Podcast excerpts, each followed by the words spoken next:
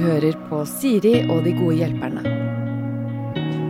To av Norges vakreste stemmer, vil jeg påstå, synger sammen i eh, låta som heter Viss verden på norsk. If the world was ending, er det den heter på engelsk?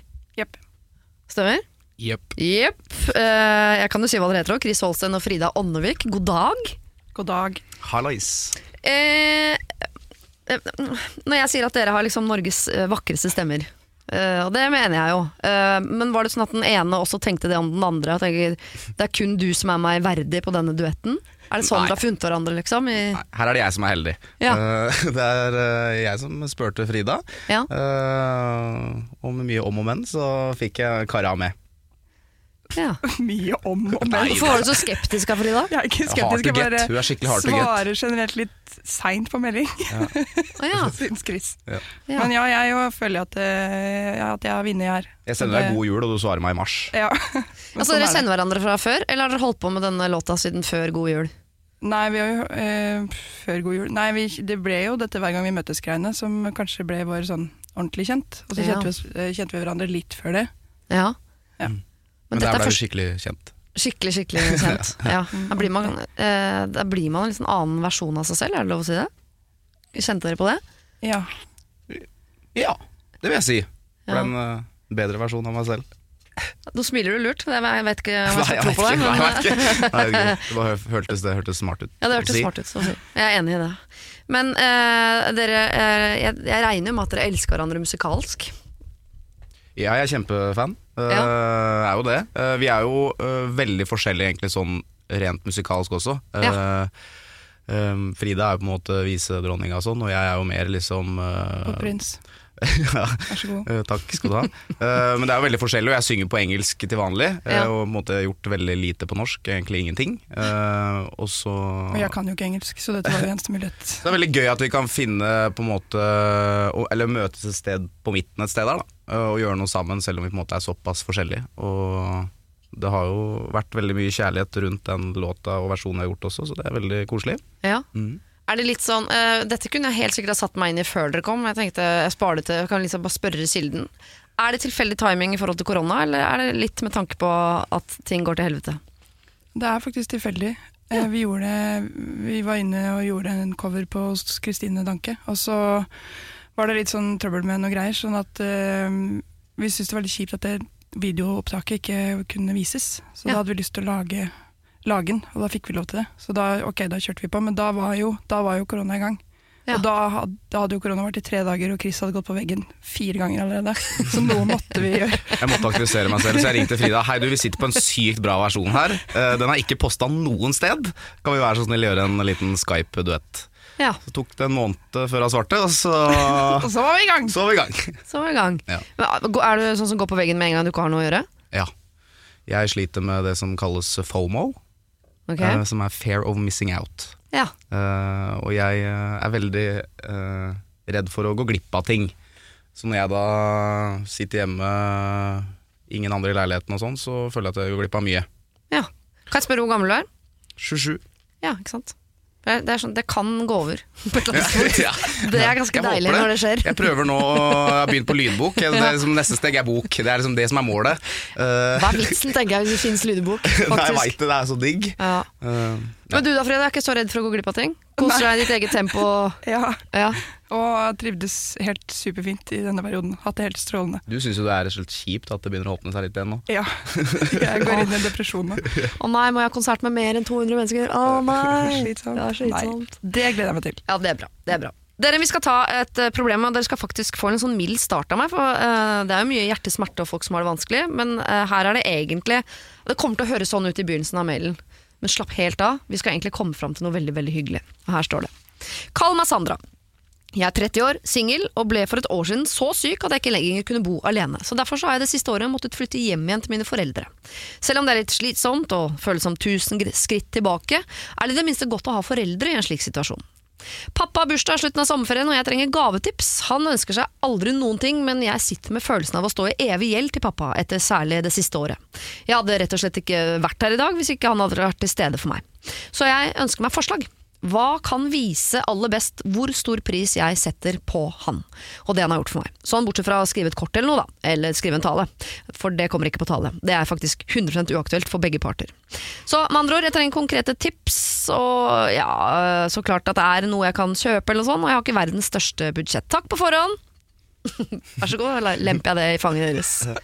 Hva gir man i gave til en man øh, føler at man skylder livet? På lavbudsjett. Ja. Frida?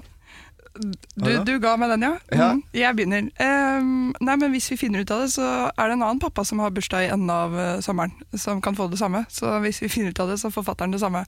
Ja.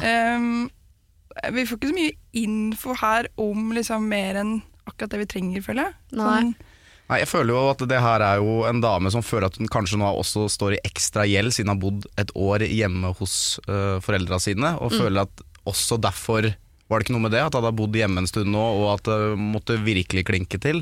Ja, ja, dette året så har de uh, hjulpet henne gjennom en eller annen sykdomsperiode som hun ikke Ikke sier så mye om. Så uh, det er nå hun liksom å vise sin takknemlighet for det året. Ja, Det skal jo også sies at jeg er ganske sikker på at de foreldra setter så umåtelig pris på at henne også er hjemme. da tror Ja. ikke på en måte noe hun Det er jo hyggelig å si takk og sånn, men jeg, dem setter også superpris på det. Så det er ikke bare en uh, her, jeg. Tror det er på en måte begge parter føler at det har vært Ja, Koselig. Tror du at alle voksne syns det er sånn dødshyggelig å få en sånn 30 år gammel unge i fanget, som har Nei, bodd hjemme kanskje ikke alle, men jeg tror sånn eh, gjennomsnittlig så tror jeg de fleste foreldre syns det er kos hvis det er liksom eh, ikke ti år, liksom, men eh, et år hjemme. Og det er jo obvious en som har hatt det litt kjipt. Ja, Og det er jo ikke noe annet du vil gjøre her i livet enn å passe på at barnet ditt har det bra. det er sant. Når du da får dem innenfor fire vegger, så har du litt kontroll òg. Ja. Og hvordan skal vi klare å få vist det, da? Selv om det, det er jo fint å vite det, at antageligvis vet de det allerede. ja, Mm. Men det er jo det at hun sier at tale er helt uaktuelt fra begge parter. Det sier meg ganske mye. Ja, Vi skal østover, mot skauen, okay. eh, hvor folk ikke prater så mye med hverandre. Eh, Tenker jeg, da. Eller jeg tenker at vi liksom Skal ikke nordover, i hvert fall. Nei, nei, eller vi skal i hvert fall ikke liksom til Altså Hvis det ikke er sånn at man holder tale og Eller det er uaktuelt fra begge parter. Det vil si at far også ville følt seg utrolig klein hvis, dette, hvis hun plinga på glasset Mm. i den bursdagen. Og det kan nok hende at det skal gjøres noe sammen. Men siden hun ikke skriver noe om sykdom, så er det liksom vanskelig å si hva hun kan gjøre. Vanligvis ville jeg sagt opplevelse, opplevelse, opplevelse, men nå er det jo på en måte, det er begrenset hvor artig det er å logge seg på en nettkonsert sammen og se den i sofakroken. Ja. Men jeg tenker at de to skal gjøre noe. Ja. Gå en tur. Ja. Ha med noe fint. Noe bra mat. Gjøre et eller annet hyggelig. Men det er klart at det er Østmarka som snakker eh, gjennom meg nå. Eh, men jeg bare tenker at det, det må gjøres ting, for det kommer ikke til å snakkes.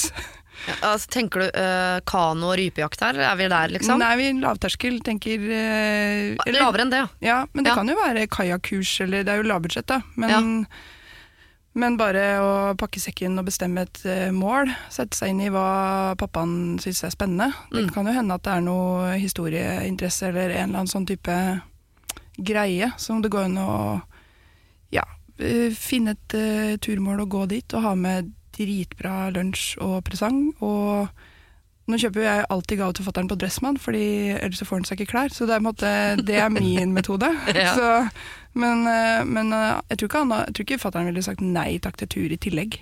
Nei. Det kan jo hende han for eksempel eh, er sånn fyr som uh, syns annen verdenskrig er veldig veldig spennende. Han kan ta den med og se på der de senket Blücher eller noe. Det var Bare, Ja, eller Forslag. gå flyktningruta av Jøssmarka eller gjør et eller annet artig. Ja, jeg tenker i Ja. hvert fall ikke kjøpe en sånn vanlig classic gave på Dressmann. Eh, en eh, skjorte eller en genser eller noe sånt. Jeg tror liksom eh, jeg tror liksom Det ligger ikke liksom eh, penger her. Jeg tror det er bare liksom eh, viser ligger i research. Ja, ligger i research og gjorde noe som er sinnssykt koselig. Og det kan bare være å invitere far ut på en heldags med dattera si, f.eks. Og man kan stikke og spise et sted, mm. gjøre et eller annet. Eh, Nå er det snart sommerlatter bort på standup bort på Latter her. Altså bare gjøre et eller annet hyggelig, og bare le, og bare ha det hyggelig sammen. ja. Uh, og så selv om du ikke er glad i å snakke, er det viktig å få snika inn at uh, han sier at jeg er veldig, veldig glad i deg. Ja, fordi altså, eh, hun, er jo, hun setter veldig pris på det han har gjort for henne. Hun er veldig glad i han, men hun vil ikke holde tale. Jeg har, er jo frista til, selv om det er dårlig til å si sånn, jo, men det, det er akkurat det du skal. Fordi hvis det er så uaktuelt for både deg og han, så betyr det jo enda mer bare det at hun hadde reist seg og sagt to setninger da som gjør vondt for henne og vondt for han. Jeg kommer til å huske det for bestandig. Ja. Men eh, ok, det, hun har sagt at det er uaktuelt, så skal jeg ikke foreslå det. Da Men da kan hun vel ta og skrive det ned, eller Altså Det fins ikke en vase eller en tur i marka som på en måte er fin nok til at han forstår hvor mye det har betydd for henne at hun har fått lov til å bo hjemme et år sånn, gjør det det? det må jo, altså de, de tingene må jo sies på en eller annen måte. Ja, men en sånn opplevelse eller noe som man gjør sammen, gjør at du kan liksom si det. At Ja. du kan, liksom når du har ledd deg ferdig på det standup-showet, showet, eller gått den turen og sett den utsikten, så går det an å si du, eh, jeg bare sier tusen takk. Eh, jeg setter veldig pris på deg, og gratulerer med dagen, men det dere har gjort for meg siste året, betyr alt, på en måte. Da kan jeg fise en liten sånn ut, og så kan det bli sånn skraping i grusen og øh, kremting etterpå. Men så er det liksom gjort, da. Ja. Men hvis det skjer i den opplevelsen, så tror jeg på en måte rammene for deg er tryggere for begge to. At det skjer på grunnlag av noe. At det ikke er den Jeg tror kanskje det som skremmer begge parter, er den plinginga på glasset og, Ja. og skraping i stol og reising og det var liksom Ja. ja. Det er eventuelt å bare ta en far-datter-tattis, da. Og så finne på et eller annet eh, Ta en koselig ting som er fellesnevneren her. Vi liker f.eks. Begge er superfan av Bruce Springsteen. Eh, Ja. Ta en liten eh, tekst på skulderen, en liten sitat, liten linje. ja. Eh, Lillestrøm snakker. Også, Ja, for dette er folkelig greie. En tur Ja. ned på Latter og se på standup og en liten tattis etterpå. Rett før sånn, og så kjøper du noe Baileys og chilinøtter, og så koser vi oss. Det er liksom Oslo-versjonen av Magaluf. Og nå skal vi jo være hjemme, Så det er jo det man har Ja, mulighet da til. slipper hun i hvert fall det der eh, plinge glasset-greiene. Kan de se på hverandre, og det trenger ikke å si et pip, men det betyr mye. Det er rissa inn i kroppen Ja. for evig. Ja. Og hvis dette er nordlendinger, så, så kommer det en lang rekke med noe bannskap, og så skjønner begge to hva det gjelder. på Ja. måte. Da ligger tatovering ligger på bordet, latter ligger på bordet, men eh, det er noe med Jeg syns jeg hører at det dere mener her, er at hun må vise at hun vet hvem han er. At det er sånn 'Pappa, du er en sånn standup-fyr, vi skal på Latter'. Du er en sånn tattis-fyr, så vi skal tatovere noen Bruce Springsteen-sitater på høyre skulder. Eller du er jo en sånn uh, kajakk- og rype-fyr, så vi skal på kajakk- og rypetur. Det er bare et eller annet som får han til å forstå at du vet hvem han er, og at du setter pris på han. Og så en liten sånn 'jeg elsker deg, far', på, Ja. på et eller annet tidspunkt. Og selv om det om tale liksom ikke kom på tale her, Ja. eh, så tror jeg det er viktig å gå litt utafor komfortsona her. For det trenger ikke å liksom stå og snakke et kvarter, men bare få ned noen ord som kommer fra hjertet. Det setter man jo pris på uansett hvor kleint det er. Og bare få hull i den bobla der, og så Eventuelt tatovere det, eller få en komiker til å si det fra scenen. Så er vi der. Er vi der. Eller alle sammen samtidig. Dette vet jeg ikke om dere kan noe om, men her er det en som er evig singel. Og så skriver hun Hei, eh, jeg er 33 år. De fleste av mine venner har kjærester, har gifta seg, har fått barn. eh, mens eh, noen få venner av meg er i samme livssituasjon som meg, altså evig singel. Vi har prøvd alle datingapper som er, men føler oss bare mer og mer avvist og mindre og mindre verdt av alle apper. og så er vi jo ikke så mye på byen lenger og flørter heller. Ehm, alle venner jeg har som er i forhold og har barn, sier at det ordner seg til oss, for oss også til slutt. Men det gjør liksom aldri det nå som åra går.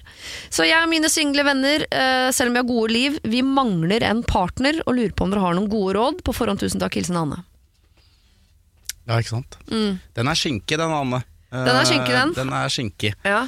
Er Kommer latter det- og tattis som forslag her òg? Nei, her skal jeg være. Fordi her, jeg, kan si at jeg, lov- jeg er jo ikke 33, men jeg er 27. Og jeg er ikke evig singel, men jeg kjenner jo på den at alle mine venner har eh, samboere. Mm. Eh, noen har begynt å, å klekke noen kids. Ja. Eh, og nå er jo ikke jeg på noen datingapper og sånn, men jeg, jeg, kan for, jeg kan forstå frustrasjonen der. Og den der at alle vennene sier det ordner seg, det er litt sånn kverulant uh, uh, måte, fordi de, de har ordna seg, de klarer seg. Uh, Det er veldig lett å si fra den andre siden. veldig lett å si fra den andre siden, så den eh, Men gjør det ikke stort sett det, da? Det er jo noen av de der evigsingle som plutselig som en alder av eh, 35 allikevel får seg kjæreste. Jo, jo. Og så er det de som ikke gjør det, da. Det er noen som ikke gjør det, da. Hvorfor, men hvorfor gjør ikke de det? Hvorfor er det noen som ikke får seg kjæreste? Ja, det er jo veldig mange som jeg føler er sånn superkres nå, ikke sant? og bare den klaffer aldri, eller du prøver alltid å finne liksom eh, alltid noe feil hos noen. Mm. Uh, det, Kan dere merke det på folk hvis du treffer noen ute på byen? Kan du merke det på dem at de er evig single? Eller hadde du blitt redd av det hvis det kom bort en fyr på 33, da? Frida, som aldri hadde hatt kjæreste? Hadde du blitt litt redd, liksom?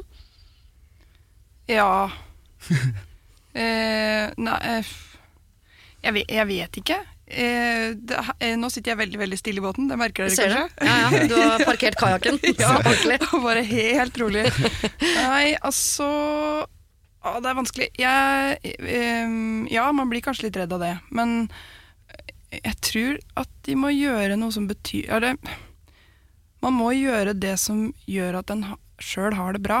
Ja. Og hvis, man, liksom, hvis det er å gjøre de tinga som man digger sjøl, og elsker å gjøre, så er det det som må prioriteres. Fordi da, da Når man plutselig da møter folk som kunne vært noe for deg, så ser de en versjon av deg som er helt sånn Yes! Liksom. Som er en sånn tydelig versjon, måte. Som ikke gjemmer seg, og som ikke altså, gjør noe som gjør at du sjøl føler deg dritbra, liksom.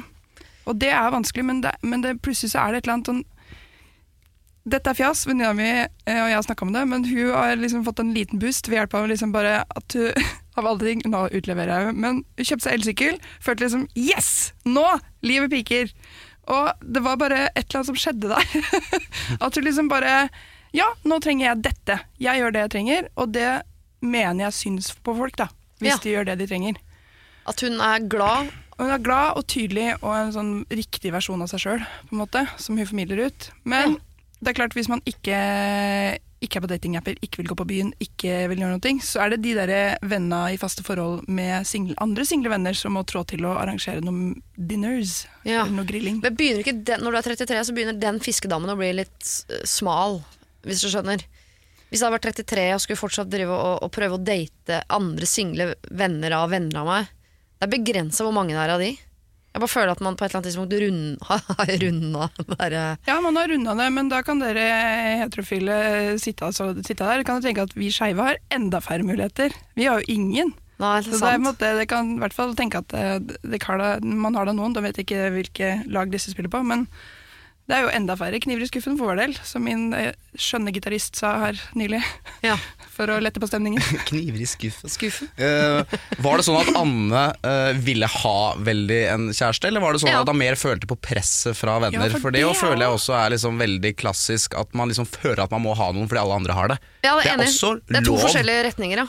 Ikke sant? ja. Det er lov å trives i eget selskap og liksom uh, ha vel, man, Altså, jeg skjønner at man har lært at man skal ha en ha en ved sin side, men eh, noen ganger eh, så må man ikke det. eh, liksom, hvis man trives med sånn som ting er, og man har eh, et rikt sosialt liv rundt seg. på en måte Helt enig. Eh, Til og med eh, jeg som nygift tenker jo noen ganger at jeg har vært dødsdigg å bare være Nei, helt aleine. Ja. Helt jeg, alene. jeg tror Ane her er på jakt etter en kjæreste. og Jeg synes bare eh, Det var noe fint det du sa Frida, i forhold til å gjøre noe som gjør deg glad. Eh, For jeg synes jeg opplever noen ganger at når folk er single og som, skal, eh, som begynner, vil ikke date på apper, ikke gå på byen, og sånn, så melder de seg på sånn singeltur i fjellheimen. Mm. Og så går det en sånn gjeng med single folk rundt i fjellheimen, og det er ingen som egentlig liker å gå i fjellet. Jeg tenker sånn Hvorfor skal dere møtes på fjellet hvis ikke dere liker å gå? Du kan jo ikke selge en sånn, sånn fjelldude hvis du ikke liker å gå i fjellet. Nei, du må selge deg inn som det du er. Ja, Da må du heller melde deg i en sånn elsykkelklubb hvis du er en Ja. elsykkeljente. liksom Så må du treffe likesinnede på elsykkel. Eller så må du sette deg ut på en fortauskafé og drikke øl, hvis du er en sånn person som liker å sitte på fortauskafé og drikke øl. Enig. Og da er det noe med da, Det kan jo også være at man liksom bare Også du, da. Sånne som deg som på en måte ser Sånn som deg. Sånn som du, som sa du så ei sykt søt jente i parken som du gikk forbi. Og som du Har du hørt sånn, podkasten? eh, sånn Ja, og som du tenker sånn det kunne jeg, Der kunne jeg gjort sånn. Og så gjør du ikke det. Og så tenker jeg sånn som deg må gjøre det. Jeg veit det, og den føler jeg Hadde litt du sånn en James Blunt moment? At du så verdens søteste jente, Ja. og så gikk du ikke bort? Nei, altså jeg følte Den her syns jeg er vanskelig i 2020, Fordi da blir du han creepy fyren, øh, føler jeg. Uh, fordi jeg gikk i parken, og så så jeg bare en sånn uh, dame som hadde bare energi. Bare, hun bare tok meg. Og det, jeg går i parken hver dag, og det, det er mye eh, fine mennesker der, men det var så et eller annet der som var bare sånn wow! Eh, og da husker jeg at jeg bare stirra litt, og så bare fikk vi en sånn kjapp øyekontakt. Eh, hvor jeg da liksom hadde fem millioner tanker i hodet mitt hva skal jeg gjøre nå. Og så blir det en Ei! Ser litt til sida opp med telefonen, og så går det forbi, og så er personen borte fra mitt liv. Eh, Så hvis du hører meg Ja, ikke sant? Dette er vi avtalt, så da Ja, skal egentlig skal Ja, Nei, men den der å liksom ta kontakt litt sånn uh, Jeg har jo snakka om det før, men litt den der på gamlemåten. da Ja, ja. Uh, Nå er det jo veldig liksom mas om app og Tinder og alle de greiene her. Og det blir jo veldig Det er en fin måte for å møte mennesker på, men man veit jo aldri åssen menneske, mennesker man møter, da. Nei, nei. Eh, Men det er så koselig med den der liksom Man vil jo ha de der koselige historiene å snakke om når du er liksom 70-80 at Husker du da du kom bort til parken? en, Ja, ikke sant. Ja. Hvor du bare inviterte meg på en is, og så var det Der har du snytt barnebarna dine, Chris. Ikke sant? For den gode historien der. jo, men helt enig, Det er lov å gjøre det på gamlemåten òg. Vi må slutte å være så stolte at vi ikke går bort. For Grunnen Ja. til at man ikke går bort, er jo en frykt for avvisning. Tenk sånn, Kan vi ikke bare liksom få de av man, Hvis man får 100 avvisninger, det er vel greit? Jeg veit. Det er jo egentlig greit. Og folk blir jo veldig glad hvis man sier helt sånn Jeg kan slumpe til deg hvis jeg er i ekstra godt humør, så kan jeg komme til å si sånn Eller særlig, men ok. Men ikke for, å, ikke for å date, men, eller for å møte noen, men bare fordi at det plutselig er et menneske som er sånn Oi! Og da kan jeg finne på å spørre om å ta bilde, eller eh, så fin leppestift du har, eller Ja. Og da er det ofte Så fin leppestift du har. Kan jeg ta bilde av deg? Har du sagt det en gang? Nei, det var, eh, dette leppestiften var Ja. til ei eldre dame på bussen som Ja. var helt fantastisk, og som jeg bare måtte. Og det, men det som skjer da, er at huet mitt sier hei! Eller kjeften min, da. Sier hei! Og så må jeg løse det, fordi at jeg allerede er i gang, da. Ja. Så det kan hende man skal øve seg på de vennene man har som er i samme situasjon, de evig single, skal øve seg på å si hei! Så sånn Ja. du, nå kan du øve sammen med meg. Si hei! Hei! Ja. Da er vi i gang. Ja, for da er du i gang. Da må du, og da er du i hvert fall Du er ikke creepy hvis du bare sier hei. Eller du er du creepy hvis du bare sier hei, men hvis du fortsetter, så er du ikke creepy. Hæ? Men da må du løse det. Ja. Da må du si noe mer. Da må du si du, jeg bare syns du var så pen.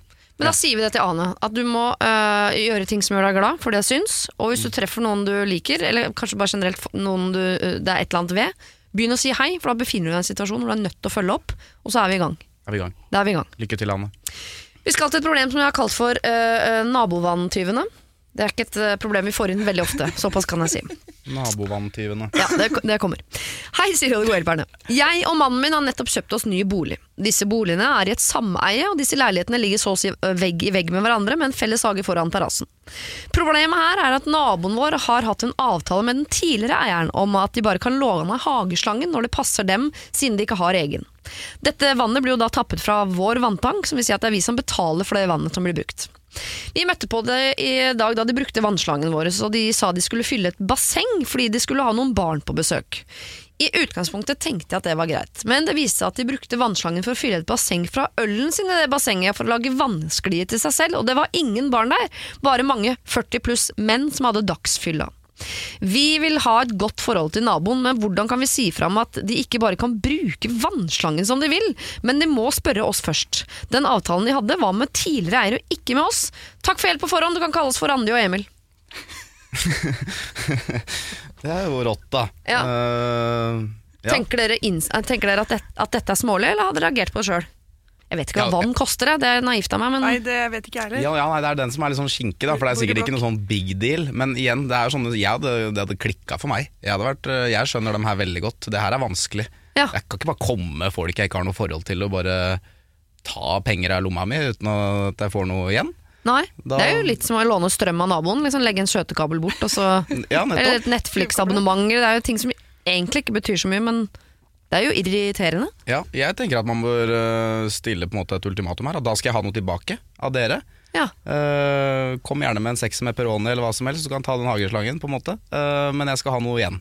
ja. Uh, så blir det en deal her, og hvis de vil da låne den, så er det fair. Så lenge man får noe tilbake. Er dette noe du bare sier, eller er du en sånn fyr som, gjør, som ville ha gjort det også i praksis? For det er, altså, det er lett å si sånn, jeg hadde bare sagt fra.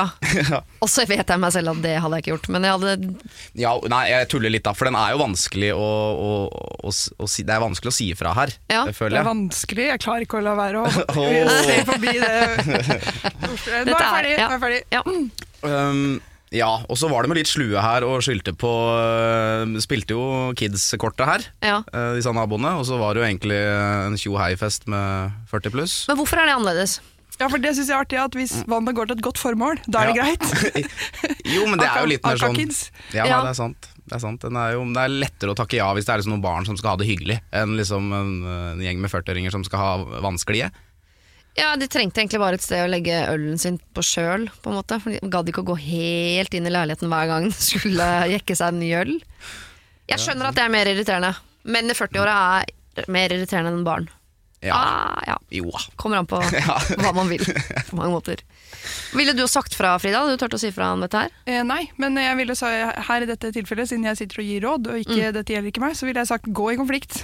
Ta, ta det. Ja. si fra. Jeg ville aldri gjort det, men eh, jeg tenker at disse er tøffere enn meg. Ja, For du mener at det prinsipielt er eh, riktig å skulle si fra? Fordi det, det, det at de bare tar vann fra naboen, er jo på mange måter å stjele. Det går jo an å bare ta en sånn Du, eh, helt ok at dere trenger vann innimellom, men fint hvis dere sier fra. For det er litt sånn eh, Det er vår tank, på en måte. Eh, Ja. Det, det jeg hadde gjort, da, var at jeg på en måte eh, Jeg var altså av den mer slue kaliberen. eh, Så hadde jeg på en måte bare gjort det samme tilbake igjen. Jeg hadde spurt hei, kan jeg bare låne laderen deres, fordi nå er det noe gærent i huset vårt, jeg må bare lade telefonen min. Og så hadde jeg rygga inn den største elbilen, eh, og så hadde jeg plugga i eh, til den var klar for 40 mil, Mm. og så hadde jeg kjørt. ja.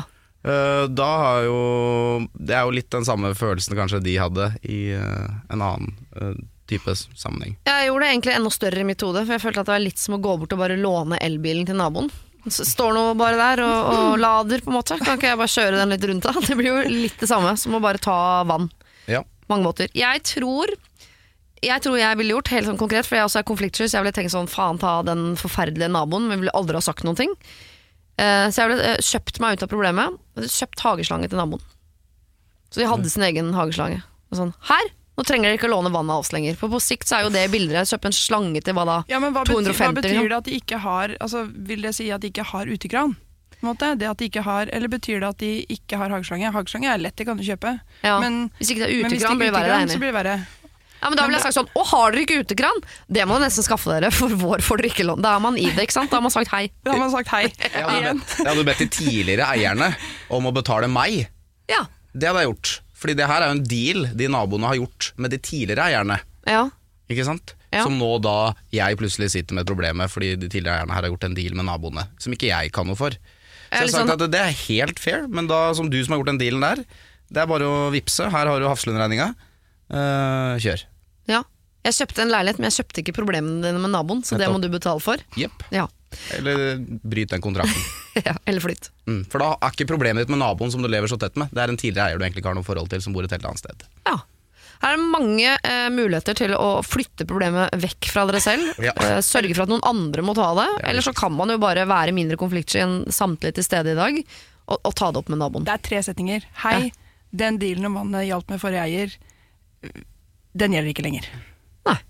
Ja, Det er den voksne, Det er den voksne eh, måten å gjøre det på. på. Det er gøy å være litt barnslig òg. Ja, prøve å si det og bare Så jeg skal bare lade telefonen. Det er jo gøy, da.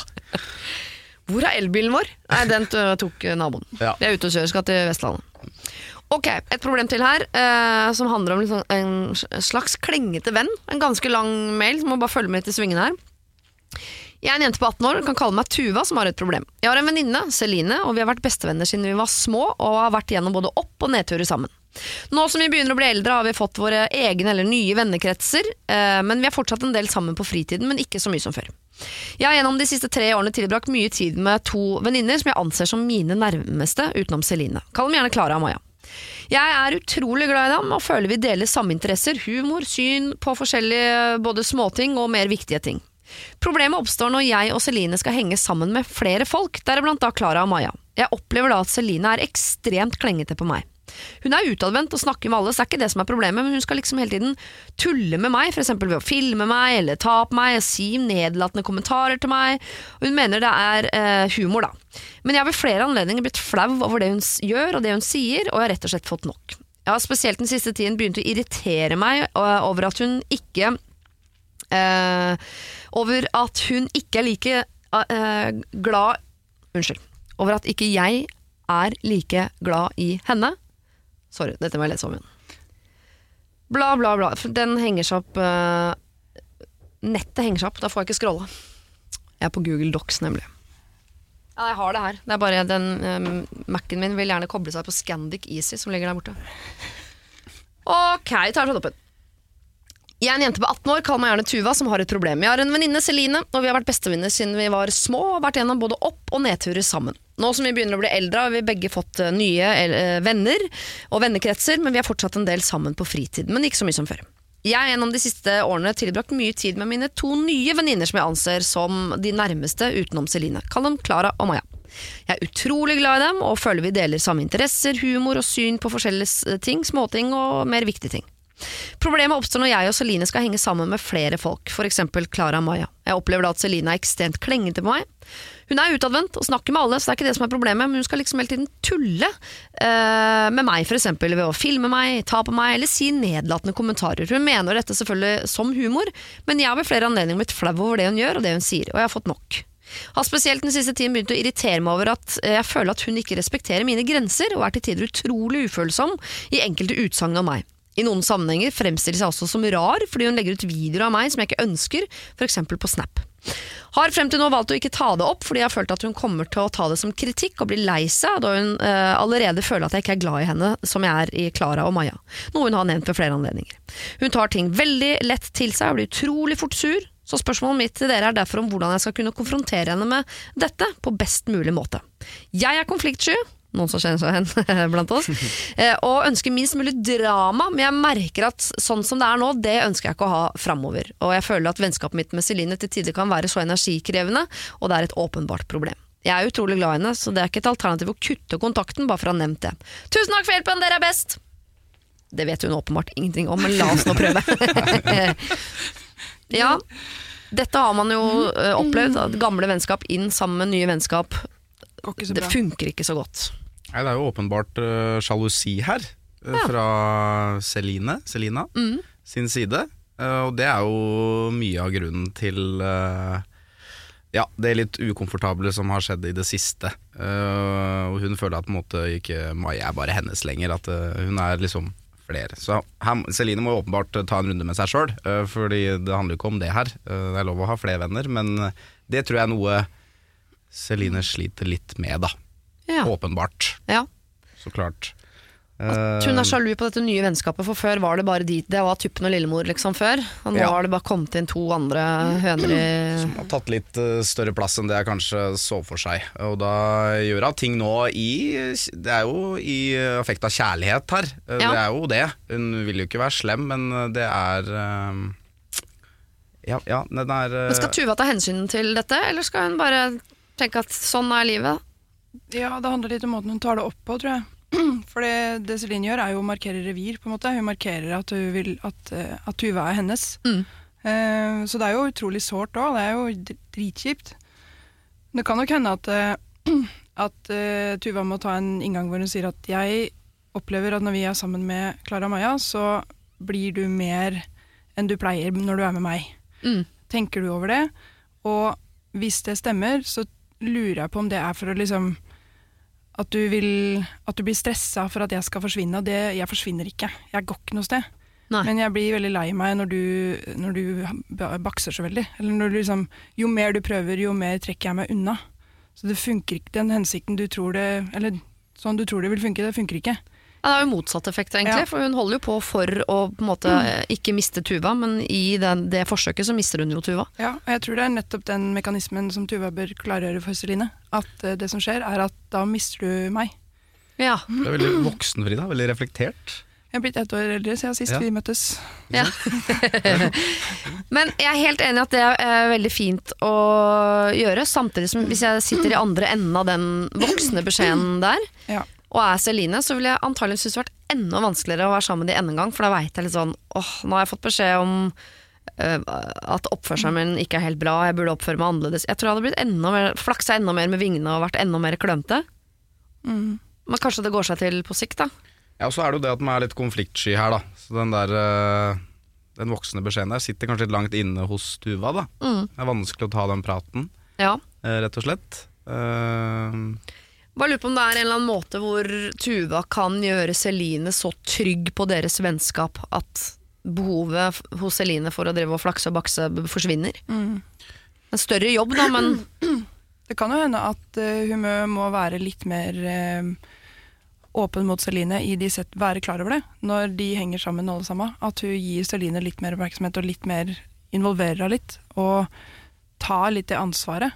Um, og igjen, altså den, det snakker om den voksne beskjeden, men det å, på måte, i sånne konflikter så er det jo nettopp det å kanskje være litt voksen og ta den Ok, jeg tar denne. Mm. Men da er du også avhengig hvis Celine ikke responderer på det. Da kan du gå videre. Men, men det å ta den voksne og, og den en måte gi, gi lillefingeren, da. Mm. Sjøl om det ikke er det som er naturlig. Um, så ja, prøv heller å gi litt i det forholdet. Ja, altså har hun bare kjempeflaks at plutselig Celine får seg én eller to venninner til selv. Og det løser seg helt Og av det løser seg helt naturlig, fordi du kjenner på det samme selv. Eh, fordi Celine eh, føler jeg åpenbart uh, føler at hun måte kun har Tuva. Ja. Uh, litt sånn uh, av det hun gjør. Men Tuva på en måte har litt flere rundt seg, da. Ja. Uh, Så tipper jeg at hun, de to venninnene til Tuva har sikkert ikke tatt imot Celine med åpne armer. Tipper hun blir bitte litt baksnakket sånn innimellom når hun ikke er der. Ja, det er jo også et uh, annet problem, ja. Men uh, ja, det handler jo om å gi liksom Celine kanskje istedenfor å ta en, liksom, en sånn mørk prat, eller kanskje gi henne uh, ta, ta med på en helg til hytta og gi henne litt ekstra oppmerksomhet, kanskje. Det hjelper. Ja. Kanskje det er en enklere måte enn å slippe liksom den der uh, Det er i hvert fall første steg, og hvis det da fortsetter, så må man jo kanskje vurdere en litt uh, mer utafor komfortsona. Uh, Ja, ta en prat eller et eller annet. Ja. Jeg, jeg aner ikke hva som blir riktig å gjøre. Jeg syns bare begge deler høres ganske sånn Litt sånn tungt ut. Da, sånn Ja. typisk som man kanskje dessverre investerer i et parforhold, men i et vennskapsforhold så blir det til at man bare åh, ikke gidder å gjøre den ekstra jobben der, og så blir det til at det vennskapet bare sklir over, og så finnes det ikke lenger, dessverre. Mm. Man klarer liksom ikke å investere like mye ofte i et vennskap som i, i kjærleiken. Så jeg er redd for at uh, Celine og Tuva Mm. Men det kan kan, hende at det må eh, toppe seg litt for at det skal finne ut om det går den ene eller den andre veien. Ja. Hvis det bare sklir over, så har man i hvert fall da er bare sklir over. Men hvis man, hvis man ok, da går man den konflikten eller den praten. Mm. Og hvis det da går gærent, så går det gærent, men da har, man, da har Tuva prøvd. Da har Tuva prøvd å, å knyte sammen det vennskapet. Um, det hun også kan er å måte, snakke med Klara Maja og si sånn, vet du hva, jeg tror Celine blir stressa når vi henger sammen, for jeg tror hun er redd for å miste meg. Ja. Eller jeg tror at på måte, hun blir stressa av den relasjonen. Kanskje vi bare kan være litt mer sånn ta imot det, på en måte, og så se om det løser noe. mm. Har du problemer selv, send dem inn til siri at radionorge.no. Det har hopa seg litt opp med bursdager som har forbigått i stillhet den siste tida, så nå slår vi oss sammen tre stykker i familien og feirer sammen. Det er hyggelig det, da. Jeg har tilbudt meg å stille med hus og hage til disposisjon, samt bake to kaker. Svigerinnen min, som også skal feires, skal derfor stå for maten. Lett mat, altså. Siste er et bursdagsbarn på syv år, så hun skal få slippe unna de store oppgavene. Jeg og min mann er vegetarianere, og normalt sett spiser vi det vi kan i selskap, eller så har vi ofte med egen mat, for jeg orker ikke å plage andre med vår livsstil. Men svigerinnen min nå nekter å ta hensyn. Hun skal lage cæsarsalat med bacon og kylling, og sånn er det. Dere får pluk plukke ut det der kjøttet, da, vet du. Eller lage et alternativ sjøl. Altså, hva søren? Selv har hun laktoseintoleranse, jeg vurderer å bake bløtkake som hevn. Hva syns dere jeg skal gjøre? Nei, ærlig talt, Det høres ut altså. som et koselig bursdagsselskap. da Ja, det kan bli hyggelig, Ja, det det greiene blir så ålreit. Ja, nei, den er jo litt sånn eh, Man skal jo trå litt forsiktig her, fordi uh, Vigen er den største bølgen eh, denne, disse dager. Ja. Uh, jeg derimot er jo kjempefan av rødt kjøtt, uh, om du skal få lov til å si det. Ja. Men her tenker jeg jo at man kan være litt gama. At hun svigerinna som skal bake, lager jo også en noe som er spisendes for de andre, når da henne skal lage kaka. Altså lage begge deler.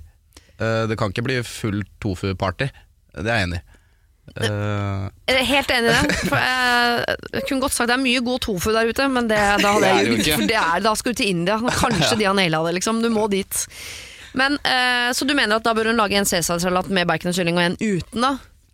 Men Det virker som Ja. hun svigerinna er liksom prinsipielt sånn Det der vegetarianergreiene deres kan dere jo uh, Drite i. Ja. ja, hadde det vært liksom en tremenning du ikke har noe forhold til, så um, uh, Jo, siden det på en måte er svigerinne, så gjør det jo litt for å opprettholde uh, koselige forhold, tenker jeg. Ja. Uh, så da spiller man begge litt gode. Ikke at begge skal stå på sitt og jeg skal bake bløtkake fordi hun har ja, Altså, bløtkaka er av bordet. Det skal, vi skal ikke ha noe laktosehevn til svigerinne her. Nei. Men er det letteste her å liksom gå i dialog med svigerinna og si sånn Kan du ta deg sammen og lage en cæsarsalat uten kjøtt til oss vegetarianere? Eller skal de bare la hele diskusjonen ligge og ta med egen mat? De kan jo ta med altså, så Cæsarsalat er jo salat og krutonger, og så er det det kjøttet, og så er det den dressingen. Ja.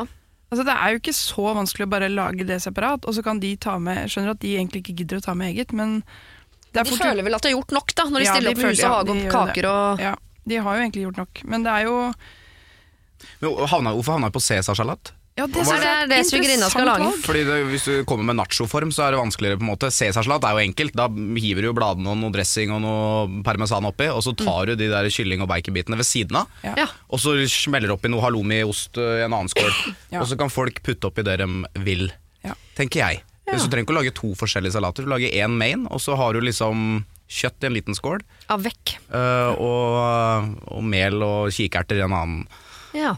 Du ringer sent på kvelden med håndkle foran, eh, sånn som man ser på film fra 70-tallet, eller når, og så sier du sånn Hvis du driter i å legge alt i en form, så driter vi i å lage bløtkake. Snakkes. ja. Det er altså Man må bare Jeg bare Ja.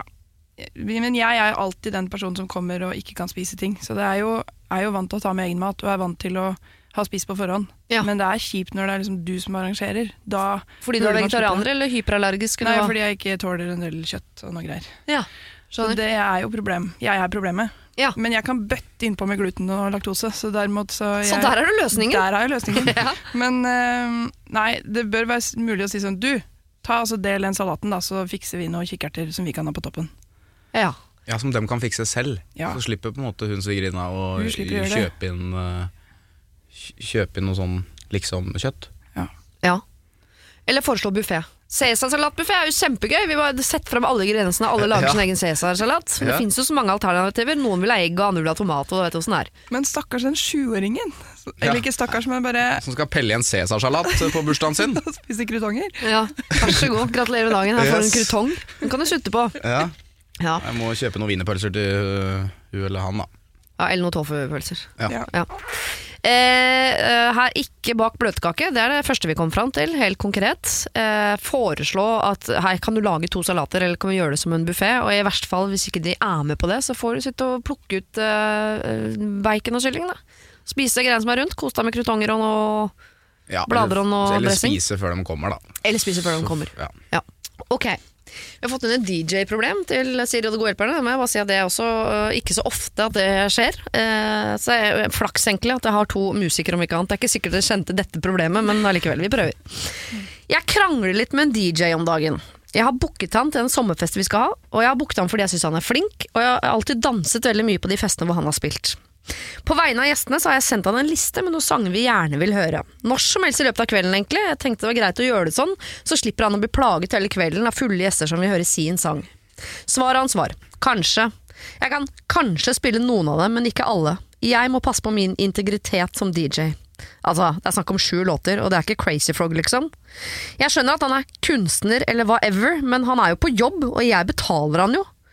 Så, skal jeg stole på hans kunst, eller skal jeg sparke hele fyren? Jeg kjenner jeg blir irritert. Sandra. Ha. Book en ny DJ. Mener du det? Ja ja, få det bort. Herregud. For dette blir for pretensiøst og snobbete for deg, ja, liksom? tar jeg en bolla. Det er jo helt ute. Um, Ja, men Kan du ikke skjønne at han har litt sånn integritet som DJ? sånn, jeg, jeg tror liksom ikke fyren heter Kyrre, på en måte. Uh, så hvis dette her er en sånn uh, Litt sånn hobby-DJ Ja. som skal passe på integriteten sin, Ja. uh, så bør han jo først uh, ta en liten vurdering. Og så bør han jo så klart gjøre disse folka glad ved å spille de seks-sju låtene som vi snakker om. Og hvis han skal stå der og pumpe i tre timer, så får han jo fortsatt vise fram sitt sanne jeg, tenker jeg. ja. Kan du skjønne den, at han eh, føler litt på den integriteten sin som DJ?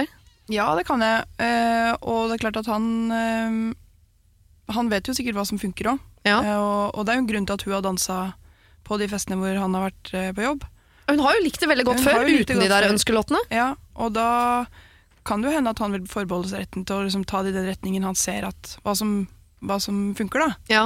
Um, jeg har egentlig vært borti sånt i sånn bryllupsjobbsettinger, og, og senest så var det en veldig god venninne som er helt rå på det der. Som har, altså hun har så mye erfaring på bryllupsjobber at det blir helt eh, Altså det å spille i bryllup, da. Ja, ja. Og, og var sånn Ok, siste låt for kvelden er 'Leve av livet', Åge. Mm. Hvorpå bruden var litt sånn «Ah, Er det det, liksom? Ja, Ja. det er det, ja. øh, sier da min gode venn. Og det Stort var det. meg, liksom? Ja, stort meg. Og den som dansa med sånn, ne med sånn neonbriller og gitarsolo, det var bruden sjæl til 'Leve av livet'. Så det er på en måte å stole litt på den integriteten òg, og samtidig si sånn eh, Fett, du, du gjør det du syns er lurt, Mm. men husk at eh, hvis, det går, hvis det butter, så er det disse sju låtene du går til. Ja. ja, for Er ikke sjansen større for at det blir bra hvis han får gjøre jobben sin, enn hvis han øh, gjør det de ber han om? Altså, Summen av hva han spiller den kvelden, er vel antageligvis bedre hvis han får gjøre det han kan? Jeg tror det. Der kan jeg kjenne helt hit at Chris er uenig, men eh, jeg tror det. Jo, jeg hører og jeg skjønner jo det, eh, men jeg bare fikk et veldig godt inntrykk av denne personen som hadde sendt denne meldinga. Hun Ja. virka godhjerta Ja. og bare ønska å få noen låter, og fikk et veldig sånn krass svar med kanskje. Mm. Eh, da er du enten sånn Nei, eh, jeg har veldig lyst til å gjøre mitt sett, stol på meg, liksom. Eller så svarer du ja, så klart. Den derre kanskje Syns jeg var litt sånn veldig uproft, og dette Ja. er jo åpenbart en sånn press and play-DJ, uh, som det ofte er. Som er at man da bare spiller av låter fra en Spotify-liste, og så har du et lite konfettirør på siden av som du kan uh, skyte av i tolvdraget. Ja. Hvis, hvis denne DJ-en er veldig god, så klarer han å mikse inn de låtene som henne ber om. Uh, altså Hvis hun har spurt om en Alf Prøysen-låt, da, så klarer hun fortsatt legge på en on the Floor og en panfløyte oppå der, hvis det er fortsatt dans du vil ha. Ja. så, så det er jo Ja, da tenker jeg at uh, At han bør klare å flette inn de sju låtene? det bør han. I hvert fall noen Hvis han den er god, så gjør han det. Jeg er helt enig med dere. Det er fint at dere reagerer på måten han har svart på. For for jeg tror også egentlig så stoler hun helt på han. Og så skulle hun være grei ved å bare si ifra sånn Jeg vil ikke at gjestene skal plage deg, for jeg vet at du er på jobb. Så derfor så sender jeg han dette på forhånd, og så får hun en ganske sånn Nja, trykk i det. Hun har sikkert truffet han på et veldig sånn busy øyeblikk, hvor han har svart litt sånn krast. Og da skjønner jeg at da blir det front mot front. Men jeg tror løsningen der må være å stole på at når han kommer og spiller musikk, så veit han hva han driver med. Ja. Men sende en liten mail om sånn Hvis du får dem inn, så er det Ja. hyggelig. Ja. Men det er jo ikke noe must. Er ikke sånn, festen er ikke ødelagt hvis ikke du får inn den der eh, ene Chandelier-låta, liksom. Det, må, det går fint uten òg. Ja. Det gjør jo det. Det var mulig jeg var litt hard i starten, jeg sa bare liksom få det bort, kjenner jeg nå. Uh, jeg tenker meg om. Uh, Jeg liker at du, gikk- at du gikk hardt ut. jeg For gikk hardt ut. Ja, det, var bare, ja, det var den kanskje som var, virka veldig sånn der uh, kverulerende, litt sånn cocky. Litt Litt sånn, provoserende. ja, Han var en litt fro- provoserende fyr, ja. ja. Jeg er enig. Men har dere, det jeg bare eh, lurer på det, for jeg tipper dere har fått spørsmål noen ganger hvis jeg skal holde konsert, at det er noen, en eller annen idiot som sier sånn Frida Annevik, kjempefint at du kunne komme. Kan du spille den ene Sandra Lyng Haugen-låta? For den syns vi er så fin. Har du fått noen sånn forespørsel noen gang? Ja. Da blir man jo sur, eller? ja, litt sånn Men det også går på en måte Så du hadde i hvert fall ikke svart kanskje. ja, det skal... ja, men jeg hadde sikkert radbrekken sånn som jeg pleier, og sånn som jeg gjør når jeg covrer låter. Og, nei da.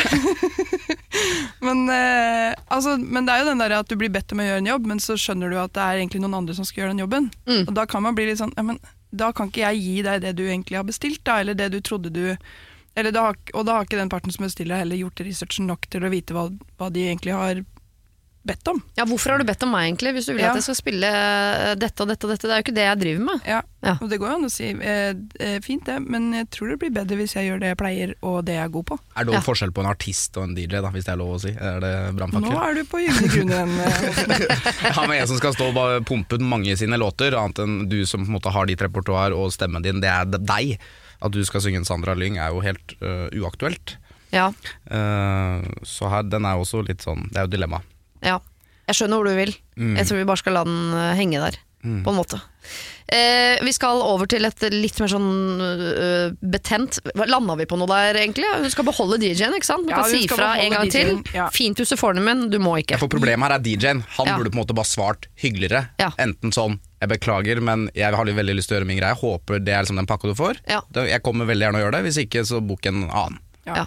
Ja. Men Eh, hei, jeg stoler på deg, og jeg vil bare sende deg den lista for at du skal slippe å bli plaga av de danseglade folka som jeg vet at, eh, at eh, du kommer til å komme ut for. Ja, ja. Noe sånt. Vær hyggelig mot han, så tipper jeg i neste mail så er han også mer hyggelig. Du bare truffet han på et litt gærent tidspunkt. Ja. Håper vi, da. Vær pære blid. ja. eh, apropos Hun het Sandra, hun som sendte inn. Det synes jeg er veldig gøy. Mm. Det er derfor jeg kommer på Sandra Lyng Haugen, antageligvis. Ok, Vi skal til et jobbforhold. Og det er et, eh, ikke et sånt jobbforhold, men eh, av den sorten som man helst ikke skal ha så mange av. Gift på hver vår kant, med ganske store barn i alder 15 til 20. Vi gikk gradvis fra å være gode venner, øh, kun kontakt på jobb altså, til å bli mer enn det en sen kveld på jobbefest.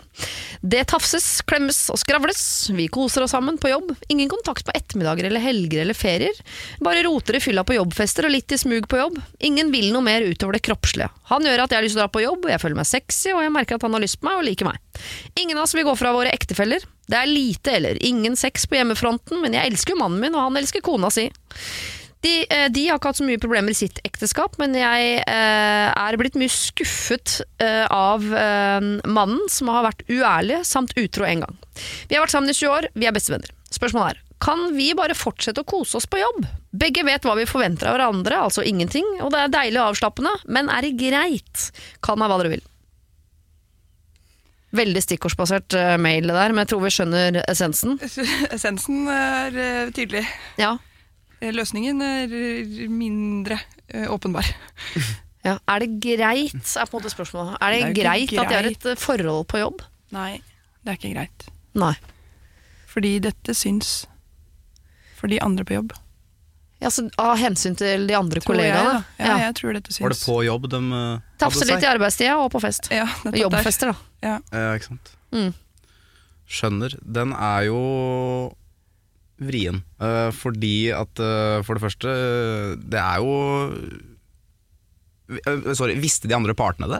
Nei, De veit ikke. nei, nei. Nei, ikke sant. Utroskap er jo no go, så det er jo få det bort. Ja. Eh, få det bort, rett og slett. Det er jo ikke greit.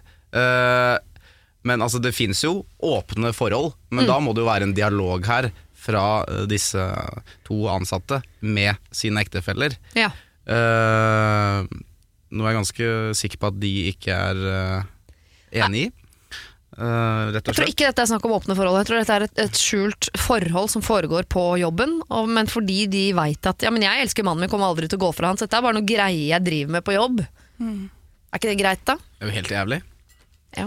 Stakkars de hjemme, da.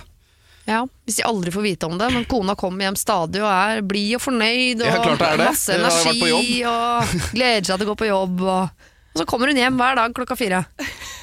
Blid jo fornøyd. da. Bli fornøyd! Ja, det er jo bra det, da.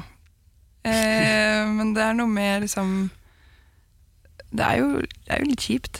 Det er jo utroskap. Det er Ja. jo Det er jo det, er jo det verste man kan uh, få her i verden. Det er jo balleløst og feigt ja. uh, og helt jævlig. Ja. Uh, rett og slett. Så de må jo skjerpe seg, ta en runde med seg sjæl. Enten Mm. så må de snakke med sine ektefeller og foreslå et øh, åpent forhold-alternativ her. Ja. Eh, Hvor da det her er like greit eh, hvis du gjør, på en måte. Uh, og så har vi jo barn sammen, og vi er de beste foreldrene her i verden sammen. Mm. Eh, men den lille piffen på sida, det bidrar oss til å være bedre sammen også. Kan det være for noen folk, vet ikke. Nei. Jeg helt, altså, for meg også er utroskap uh, no go, som du sier. Jeg ville ikke ha liksom, godtatt et åpent forhold. Men jeg, allikevel, jeg leser mailen, denne stikkordsbaserte mailen, så skulle jeg jo ønske at det var rom for jeg ser jo det er jo egentlig Hvis bare alle hadde vært komfortable med det, så er det jo ganske sånn fin grei, et fint sted å hente energi. Liksom, skjønner du? Sånn, jeg føler meg sexy, jeg går på jobb og eh, jeg holder ut med mannen min eh, resten, Fordi der er vi over i sånn kjærlighet og respekt. Det er ikke så mye At man kan Det er et eller annet her som jeg tenker sånn Jeg skulle ønske alle var med på det, liksom. Ja, hvis det har vært noe alle var innforstått med i den sirkelen der, så er det på en måte greit, mener jeg, da. Men hele problemet er at ikke de to andre vet noe. Ja. Og så er du litt bekymra for de andre kollegaene, Frida. Det er mest sånn der, ikke, men det er bare at det setter folk i en kjip situasjon. Eller hva hvis øh, Hva hvis barna til den ene får vite om dette, på en måte? Da, da, altså hvis noen får vite om det, så er det Da må man jo Da, da er det konflikt. Ja. Det er jo veldig ballsy gjort. Eh, sånn, de er jo åpenbart offentlige om det her, mm. samtidig som de ikke har sagt det til sine nærmeste. Og det er jo Skravla går jo fort eh, rundt om, så det, Ja. det er jo en konsekvens de ikke har tatt i betraktning, tror jeg. Jeg tenker at det er en illusjon òg at dette er liksom hemmelig. På en måte. Ja, I hvert fall for kollegaene, jo. At Ja, de helt sikkert har merka det. Ja, Ja, Og at det òg liksom gjør at det, dette, dette varer ikke. Så enten så Dette er en boble som må sprekke, da. Ja. Og da er spørsmålet hvordan du vil at den skal sprekke. Skal du gjøre det sjøl og, og måtte si det? Skal du avslutte det? Bare poppe den og ferdig med det? Eller skal du la noen andre på en måte poppe den og miste kontrollen over det sjøl? Det er litt sånn Det kommer til å komme fram, da. ja. Det er det som som er med mørke, kjipe ting. At det kommer opp til overflata. Så da foreslår dere at de går hjem hvert til sitt og forteller dette her til sine ektefeller, og krysser fingra litt for at de sier sånn 'herregud, kjør på'. Hva er, eh, jo, jo, Hva er oddsen for men, men hva er, odds, ja, hva er oddsen for det? Nei, den er jo Den er jo veldig lav. Ja. Uh, med mindre man har superflaks og det samme situasjonen har skjedd på motsatt side. på en måte ja. Og shit, sånn har jeg det òg, på en måte. Uh, men det, det kommer jo ikke til å skje. Det er ikke sikkert de syns er greit heller. Jeg kan være utro, men ikke du. Ikke sant? Der kommer den uh, eier, eiersjuke sida fram der, ikke sant. Ja. Um, ja, samtidig som øh, Og jeg skjønner hvorfor det er sånn også, hvorfor man syns eget utroskap er mye bedre enn å være utsatt for øh, øh, utroskap. Fordi da, når man står midt i det, tenker man sånn Ja, men dette betyr jo ikke noe for meg. Dette handler ikke om vår kjærlighet, eller dette Det er bare noen greier jeg driver med på jobb. Tipper jeg de unnskylder seg med. Da. Dette betyr ingenting. Det er han hjemme jeg er glad i. Vi har det bare litt gøy. Ja, for Jeg tenkte på om liksom de to skulle blitt sammen, uh, disse to på jobb, men jeg tror ikke det hadde funka heller. Jeg tror det er litt den tension og litt den spenninga og på en måte holder det på til en måte Ja, et smil om munnen og litt tafsing her og der. Ja. At det ikke er noe mer enn det. Ja, det er jo spenninga de er der for. Det er jo ikke hverandre. De kunne jo antagelig vært hvem som helst. Men det er jo på en måte det som er Ja. Ja, si litt òg, da. Men hvis de nå går tilbake til altså Jeg klamrer meg til hamstere her, altså, for jeg har også lyst til å si ta dere sammen. Gå og vask dere og snakk med mennene. Altså snakk med de dere er gift med. Men eh, hvis de nå blir enige om sånn Ok, dette er feil. Dette kan vi ikke drive med. Eh, la oss gå tilbake til å bare ha en veldig god og flørtete tone. sånn For å holde den spenninga oppe, som hun tydeligvis har blitt litt avhengig av. Altså, jeg pynter meg når jeg går på jobb og føler meg sexy, og det er så gøy. og alt det. Kan de da la det ligge? Ikke fortelle noe hjemme? Bare si sånn Ok, vi gikk på en smell. Nå går vi videre, og så bare holder vi det helt sånn på overflaten. Jeg ser jeg, Ja, nei, den her, eh, fordi at eh, Ja, eh, det er jo litt sånn ærlighet varer lengst der, da. Jeg tror på en måte man fortsatt går med sånn byrde inni seg. Jeg veit ikke om de føler på noe anger her. Det virker nesten ikke det, Det virker ikke heller. Eh, så på en måte Det er jo litt kjipt, da. rett og slett. Ja. Fordi da hadde man på en måte snakka om det her, og så kan det hende at den mannen hjemme hadde sagt ok, jeg godtar deg, bare vær min nå resten av livet, liksom, så jeg beklager, og så er det greit. Mm. Så starter man på en måte et nytt liv, men eh, jeg tror på en måte ikke det gir henne så mye av å si det her. Nei. Men det er jo noe som må tas tak i her, da. Det er jo, måte dette er jo noe for noe annet. Dette er jo, dette er jo fordi at det er et eller annet som skurrer hjemme. Mm. Eller fordi det er noe som mangler. Her kommer psykolog uh, Aanvik. Ja, for hadde hun følt seg veldig veldig sexy hjemme, så hadde hun jo gledet seg til å komme hjem. Og så hadde hun Ja. gått rundt og sprudla litt av det istedenfor. Jeg håper ikke ender opp med at hun nå skal gi kjeft til mannen sin for at han er for dårlig. Altså, jeg har ikke sagt noen ting, jeg bare sa at det, det kan jo hende at dette at det, ja, Det er jo et uh, underliggende problem her. Det er jo noe mer enn bare det man ser på overflaten som er tafsing med noe sprits på sommerfest. Ja. Det er jo no, åpenbart noe som mangler her. Noe de eh, vil ha mer av, som de kunne fått på hjemmebane. Men det får de ikke, men nå får de det på jobben.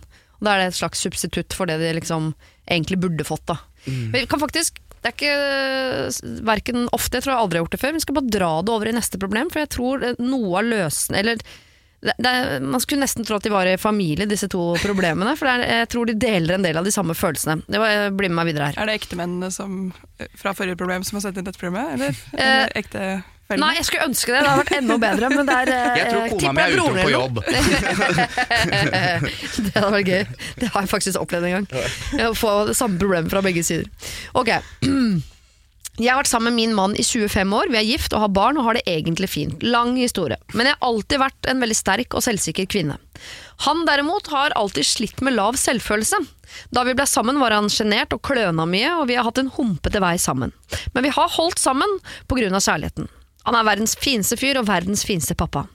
Og mye har blitt bedre ettersom han har blitt eldre og mer moden, samt at vårt forhold nok har gitt han en del styrke. Men den lave selvfølelsen hans er der stadig, og den gjør at han stadig søker bekreftelse, ofte fra andre damer. Han tar seg godt ut, og det hender at jenter flørter med han, og jeg vet at han elsker det. Gjentatte ganger har han hatt kontakt med jenter, men han forteller det alltid til meg. Han kommer krypende når det blir skummelt. Heldigvis. For han har aldri turt å møte noen eller gjøre noen ting. Han er en flørter på mobil. Jeg har lært meg å leve med dette, fordi det handler jo ikke om oss, det handler egentlig bare om han. Eh, men nå har han over en periode Altså Det er lenge siden sist, men nå den siste perioden har han hatt SMS-kontakt med en vi kjenner. Altså en vi omgås. Hun er ikke en nær venn av meg, men jeg sender mannen hennes godt. Og plutselig ble det litt mer skummelt. Dette er jo en kvinne vi stadig møter, en han tør å snakke med osv. Han sier at det er ikke noe annerledes nå, eh, men for første gang så er jeg litt såret og redd. Hun vet nok ikke at jeg vet, men jeg lurer på, skal jeg bare la dem holde på til det går over, sånn som det alltid gjør, eller skal jeg involvere meg denne gangen? Kall meg Anne. Skjønner jeg nå hvorfor jeg eh, ville dra det over i dette problemet. For jeg tror det, der, det handler om en eller annen oppmerksomhet eh, som man, og en bekreftelse på et eller annet som man ikke får, der man burde få den, og så må man finne den et annet sted. Ja. Hva skal Anne gjøre her med mannen som bare har et behov for bekreftelse? Frida? Nei, men hun har, det er jo noe i det at hun reagerer nå.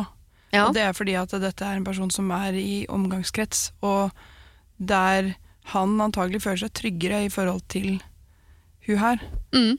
Der han før har måttet stikke med halen mellom beina når det er blitt for skummelt, som hun sier. da, At det, at det plutselig blir noe. Mm. Og at det skjer når det blir et ekte menneske. Men dette ekte mennesket, det kjenner han.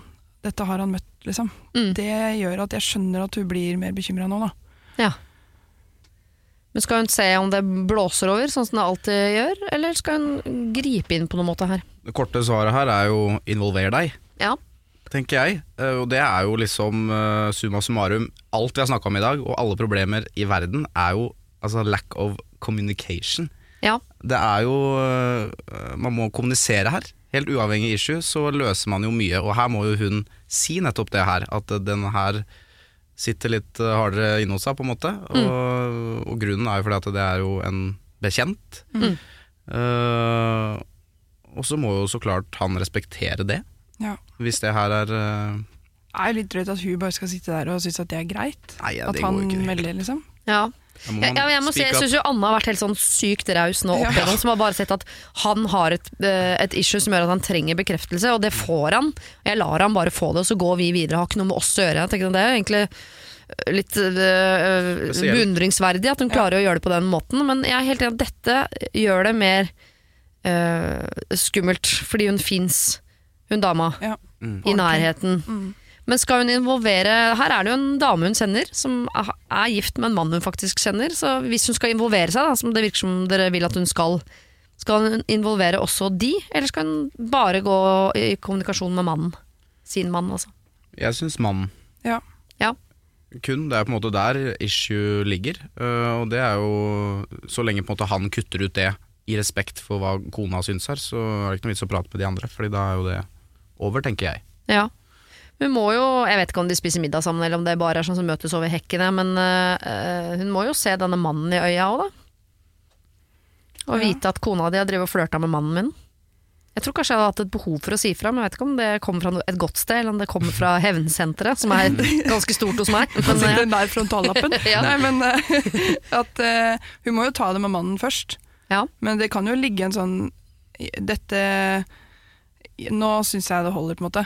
Dette er, dette er for nærme, og dette er uh, Dette går inn på meg. Um, og hvis han da føyser vekk det, eller på en måte kanskje har hatt det så behagelig at han da på en måte kunne bare Nei, det, hun mener sikkert det samme som sist, eller at det, dette går bra.